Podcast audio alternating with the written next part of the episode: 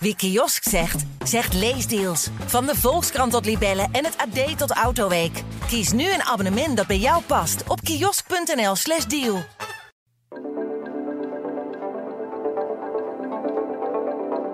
Waterstof klinkt op zich ook wel onschuldig, hè?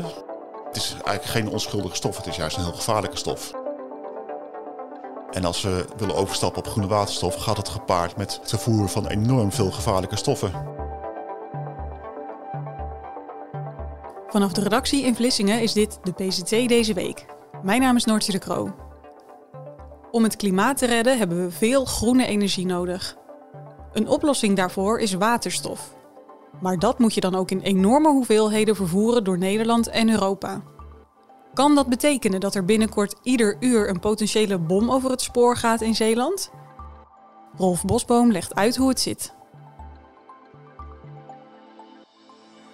Nou, eigenlijk is waterstof een heel, heel lastig begrip. Op dit moment is er heel veel waterstof in Zeeland. We gebruiken heel veel waterstof en we produceren heel veel waterstof. Uh, dat is uh, zogeheten grijze waterstof. Alleen uh, de verwarring is dat waterstof op een twee manieren wordt gebruikt. Nu gebruiken we het als grondstof, als een, een product dat voor de industrie nodig is. Mm -hmm. bijvoorbeeld voor, om kunstmest te maken. We hebben hier een hele grote kunstmestfabriek, Yara, een van de grootste van Europa. Dus er is heel veel waterstof nodig. Uh, waterstof wordt ook gebruikt in olieraffinaderijen. Uh, dus het is eigenlijk gewoon een grondstof in, uh, in de industrie. En omdat wij hier heel veel gebruiken, wordt hier ook heel veel waterstof geproduceerd. Maar de waterstof waar ik het net over had, dus in de overgang naar, naar schone energie, wordt gebruikt als energiedrager. Het heeft dus een andere functie. Je slaat als het energie op in waterstof. En vervolgens kun je het dan weer op een andere manier, op een andere plaats kun je het gebruiken. Zoals bijvoorbeeld als brandstof om een auto op te laten rijden. Ja, het is een, uh, precies. Benzine is ook een energiedrager. Als je benzine in je auto gooit, dan gaat hij niet vanzelf rijden. Je moet al, al, altijd een keer verbranden in een motor. En vervolgens gaat je auto rijden. Nou, waterstof is eigenlijk hetzelfde. Er zit heel veel energie in verborgen. En als je het dan verbrandt, dan krijg je, komt er heel veel energie vrij. En daarmee kun je dus uh, allerlei dingen, dingen doen. Precies, maar als je, um, als je diesel laat verbranden, dan komen er ook schadelijke stoffen vrij. En als je waterstof laat verbranden, dan gebeurt dat niet. Nee. Dus is het, is het een groene vorm van, uh, van energie en is dat de toekomst eigenlijk? Ja, en het is gewoon opgewekt. Tenminste, als het goed is. Als je groene waterstof hebt, is het schoon opgewekt.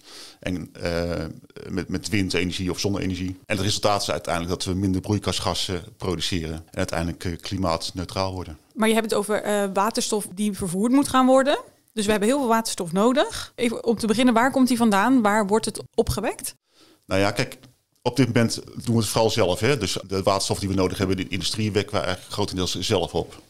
Uh, maar in de toekomst is er veel meer waterstof nodig. En het probleem is, uh, wij denken dat we, dat we heel veel uh, groene stroom kunnen opwekken. De, de, de Noordzee wordt volgezet.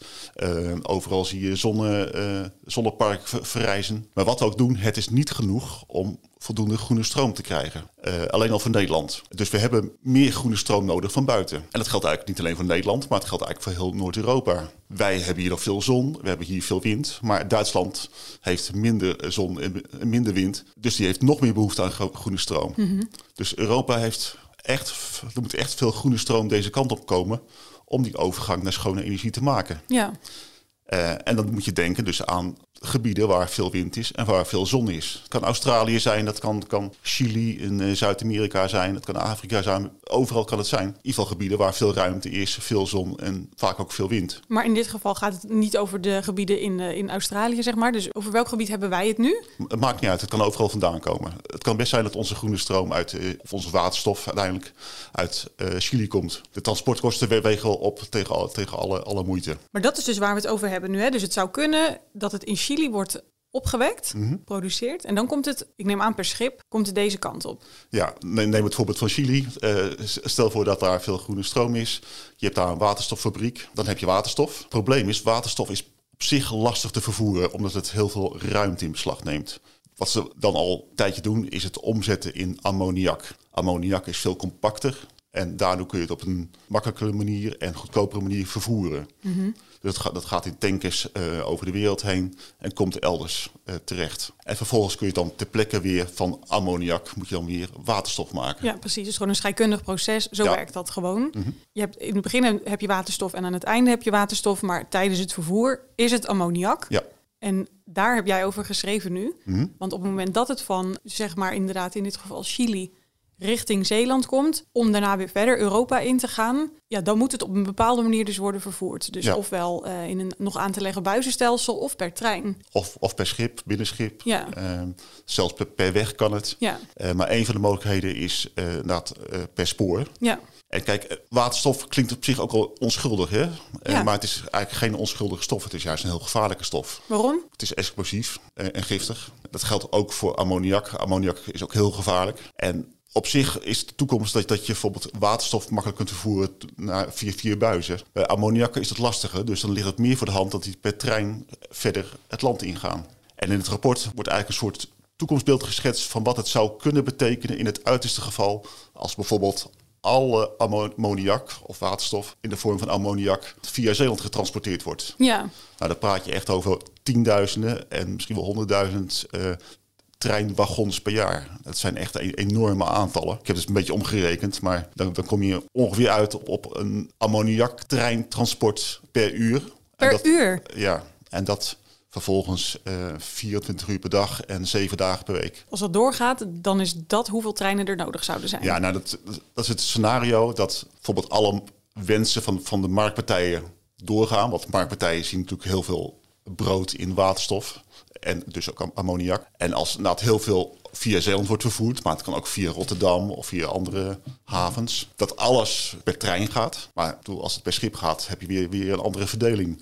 Dus het is echt wel het uiterste van het uiterste scenario. Eh, dus die getallen moet je wel met een korreltje zout nemen. Dat gaat nooit gebeuren. Sowieso zijn er niet zoveel wagons en zo. En daar is het hele treinenstelsel niet op berekend. Maar die getallen geven wel aan dat we ja, een serieus probleem hebben. Of in ieder geval een serieuze uitdaging. Ja, want- In de toekomst komt er heel veel ammoniak het land in. Dat moet op een of andere manier getransporteerd worden. Of je moet het eerst omzetten weer in waterstof. Maar dan heb je weer een, een soort zogeheten kraakinstallatie voor nodig. Er ligt gewoon de vraag op tafel. Wat doen we met al het ammoniak? Zo, het moet vervoerd worden, maar hoe gaan we het doen? Hoe gaan we het doen? En Want wat is eigenlijk het probleem eh, dat, het, dat die treinen rijden? Ik bedoel dat het er heel veel zijn, of zouden zijn, dat is duidelijk. Maar wat is daar nu het probleem van? Nou, ammoniak is inderdaad, zoals ik net al zei, een, een, een giftige, explosieve stof. Dus als er bijvoorbeeld iets misgaat, een treinontsporing, ik noem maar wat, en ontstaat een lek in een van die wagons, dan kan er een giftige damp ontstaan. In het uitgeval zou er misschien een explosie kunnen ontstaan. De kans erop is echt minimaal, maar eh, niet, niet nul uiteindelijk. Eh, en de trein rijdt soms gewoon door, door dicht bevolkte gebieden. Door. Ja, stel je woont in Goes langs het spoor, dan, eh, dan, dan heeft dat nogal veel, eh, ja, veel invloed. Nu, nu rijden er ook LPG-treinen, die zijn ook gevaarlijk. Wij zijn er wel een beetje aan gewend, maar toch, ik woon toevallig in de buurt van Goes. En als ik zo'n LPG-trein zie rijden, dan ben ik altijd iets voorzichtiger dan wanneer de, de passagierstrein voor, voorbij komt. En En dat gebeurt ook niet vaak, toch? Zo'n LPG-trein komt niet... nee, nee, het is niet zo dat ik heel vaak voor, voor de spoor zat te wachten en dat er weer een LPG-trein voorbij komt. Het zijn wel opvallende tran- transporten, maar het gebeurt wel regelmatig. En er zijn ook aantallen van bekend. eh 10.000 wagons per jaar. In het rapport van, van wat nu naar buiten is gekomen wordt gesproken over 150.000 wagons. Maar dat is natuurlijk wel een veelvoud van het aantal LPG-treinen van nu. Ja, terwijl die al zo gevaarlijk zijn. Ja, en die zijn ook gevaarlijk. Ja, nogmaals, het gebeurt bijna nooit wat. Maar bijvoorbeeld twee maanden geleden, eind december, in- tijdens de kerstdagen in Servië, is er een ammoniaktrein ontspoord. Waardoor vier wagons uit de rails liepen. Eh, er ontstond een lek in een van die wagons. En in een behoorlijke ruime omgeving zijn tientallen mensen met vergiftigingsverschijnselen opgenomen in het ziekenhuis. Dus als er iets gebeurt, dan, dan heb je wel serieuze gevolgen. En bovendien kan het ook weer gevolgen hebben over wat je mag in de buurt van een spoor. Als er veel treinen rijden, dan gelden er extra veiligheidsnormen. En dat betekent dat bijvoorbeeld een nieuwe woonwijk in de buurt van, van het spoor niet mogelijk is. En we willen juist huizen bouwen Ja, in er is Zeeland. juist zoveel ruimte, of zoveel, eh, er zijn juist zoveel extra huizen nodig. Ja. Kijk, het is niet gezegd dat het allemaal gaat gebeuren, integendeel. Maar het is wel iets waar we te maken hebben en waar we als Nederland, als Zeeland, een oplossing voor moeten zien eh, te bedenken. We hebben ook een milieudienst, die houdt toezicht eh, op de bedrijven in, in Zeeland, op, op de grote bedrijven. Die maakt zich ook zorgen, want er komt heel veel ammoniak. Dat moet eerst opgeslagen worden in de havens. Ook dat is al een gevaarlijk proces. Natuurlijk zijn er allerlei regels, maar als het gebruik van ammoniak dusdanig toeneemt, nemen ook de risico's toe. En de vraag is of de huidige veiligheidsregels daar wel uh, geschikt voor zijn. Moeten we niet extra maatregelen nemen of wat, gaat, wat gaat het betekenen? Nou ja, die, die vraag moet op korte termijn worden beantwoord. En ik denk dat zo'n rapport van, van, van die drie bureaus die daarna gekeken hebben, een soort wake-up call is om te kijken van wat moeten we hiermee? Waterstof en ammoniak zijn heel belangrijk, uh, maar zijn ook niet ongevaarlijk. Ja, het, het klinkt een beetje alsof je de uh, veiligheidsregels eigenlijk alleen maar juist aan kan passen naar uh, minder strenge normen. Mm zodat die transporten wel kunnen uh, ja. gaan rijden. Nou ja, een van de oplossingen is door, door het kraken van ammoniak al bij binnenkomst. Dat is het omzetten van ammoniak ja. weer terug naar waterstof. Ja. ja. Maar goed, dan heb je daar kraakinstallaties nodig. In Zeeland? In Zeeland. Dus? Die moeten dan wel gebouwd worden. En in Rotterdam neem ik Want het gaat om de haven, toch? Het gaat vooral om de havens, ja. En vooral vooral Rotterdam en waarschijnlijk iets, iets mindere mate Zeeland. Maar ook Zeeland zal dan een rol in spelen. Mm -hmm. da daar moet iets gebeuren. Uh, en als je het kraakt al bij binnenkomst en daar dus omzet in, in waterstof, dan kun je het via buisleidingen makkelijker vervoeren in de toekomst. Ja, die ook nog allemaal moeten worden aangelegd. Nou ja, kijk, voor waterstof willen ze het huidige gasnet ombouwen tot transportmiddel voor, voor, ook voor waterstof. Uh, en dat, daar wordt volop uh, over nagedacht en aan gewerkt. En, dat, en die leidingen lopen al door heel, uh, die lopen al door heel Nederland. Die lopen al door heel Nederland. En dus is het een kwestie van aanpassen. En heb je een geschikte middel om het te transporteren. Ja, dus dan heb je een gevaarlijker middel, maar dat kan je veiliger vervoeren. Nou, waterstof is op zich niet gevaarlijker dan, dan, dan ammoniak. Je kunt het op een snelle en veilige manier vervoeren. Mm -hmm. En dat is beter dan, dan via, via een trein. er wordt ook gekeken van, ja, zijn er geen, geen andere middelen dan, dan ammoniak? Uh, nu, nu, is ammoniak een beproefd middel om, om te transporteren. Uh, je kunt ook omzetten in andere, een andere stof die misschien minder gevaarlijk is. Ook daar wordt al over nagedacht. En daar is iets waar het, waar het kabinet wel een beetje op hamert van... ja, we zitten hiermee en misschien moeten we kijken wat we, dat we iets meer ammoniaktransporten kunnen toestaan. Maar het liefst niet te veel. En uh, het zou mooi zijn als we andere methodes kunnen vinden die minder gevaarlijk zijn. Ja, en het doet er dus in feite niet toe of dit nou grijze of groene waterstof is, toch? Want die groene waterstof die kan worden opgewekt in um, bijvoorbeeld zo'n fabriek die nog moet worden gebouwd mm -hmm. in Zeeland. Ook die zal moeten worden vervoerd. Tenzij je dat meteen kan gebruiken natuurlijk. Kijk, de fabrieken die bijvoorbeeld hier worden gebouwd, die maken groene waterstof. En die zou voor het grootste deel gewoon worden gebruikt door de industrie in Zeeland. Dus dan zit je niet met dat vervoersprobleem. Nee, nee. En de waterstof die uit, ik blijf even bij ons voorbeeld Chili, zou ja. komen. Dat is grijze waterstof. Dus dat nee, is, dat is, uh, groene waterstof. Oh, dat is groene waterstof. Ja. Oké. Okay. Dus de... We gaan allemaal naar groene, groene waterstof toe. Het Althans, ja. dat, dat is de toekomst. Dat hebben we nodig om, om te gebruiken in de, in de industrie. Maar een belangrijke vraag is van, wat wil de rest van Europa? Duitsland heeft ook groene waterstof nodig. Uh, willen ze dat importeren, dan, dan komt het waarschijnlijk via Rotterdam of Zeeland uh, ons land binnen.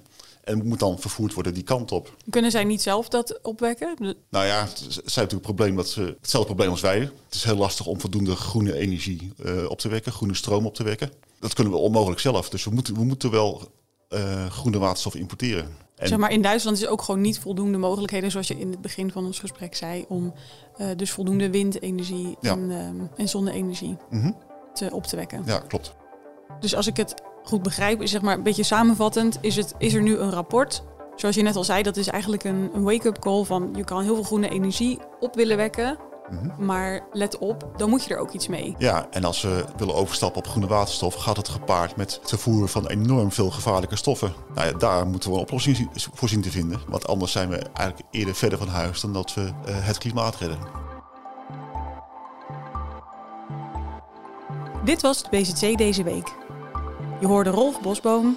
Mijn naam is Noortje de Kroo. Volgende week zijn we er weer met een nieuwe aflevering. Tot dan!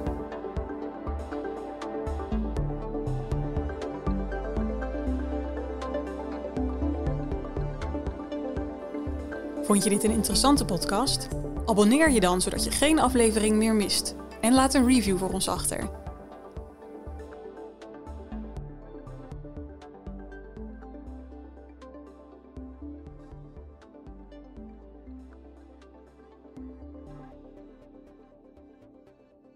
Gerda Wilhelmina Bom.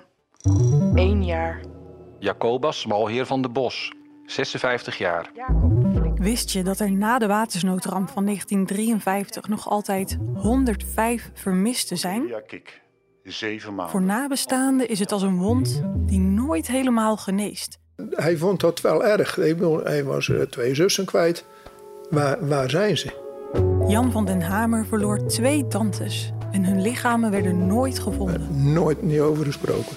Nooit. Dus als een groot onderzoek kans op antwoorden biedt, twijfelt Jan geen seconde. Mijn vader en moeder hebben er ook niks aan, maar die zouden het ook dolgraag geweten hebben. Hey, wie, wie of wat, dat weet ik pertinent zeker.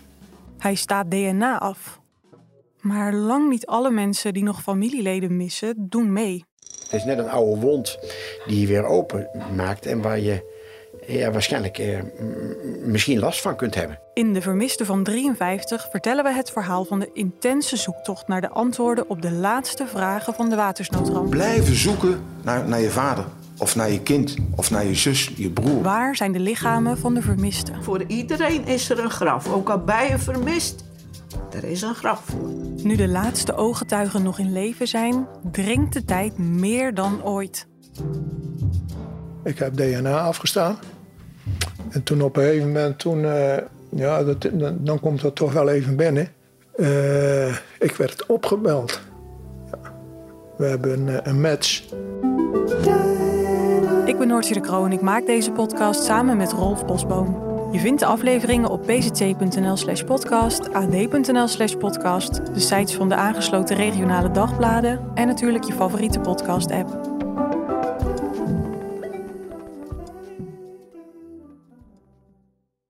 Wie kiosk zegt, zegt leesdeals. Van de Volkskrant tot Libellen en het AD tot Autoweek. Kies nu een abonnement dat bij jou past op kiosk.nl/slash deal.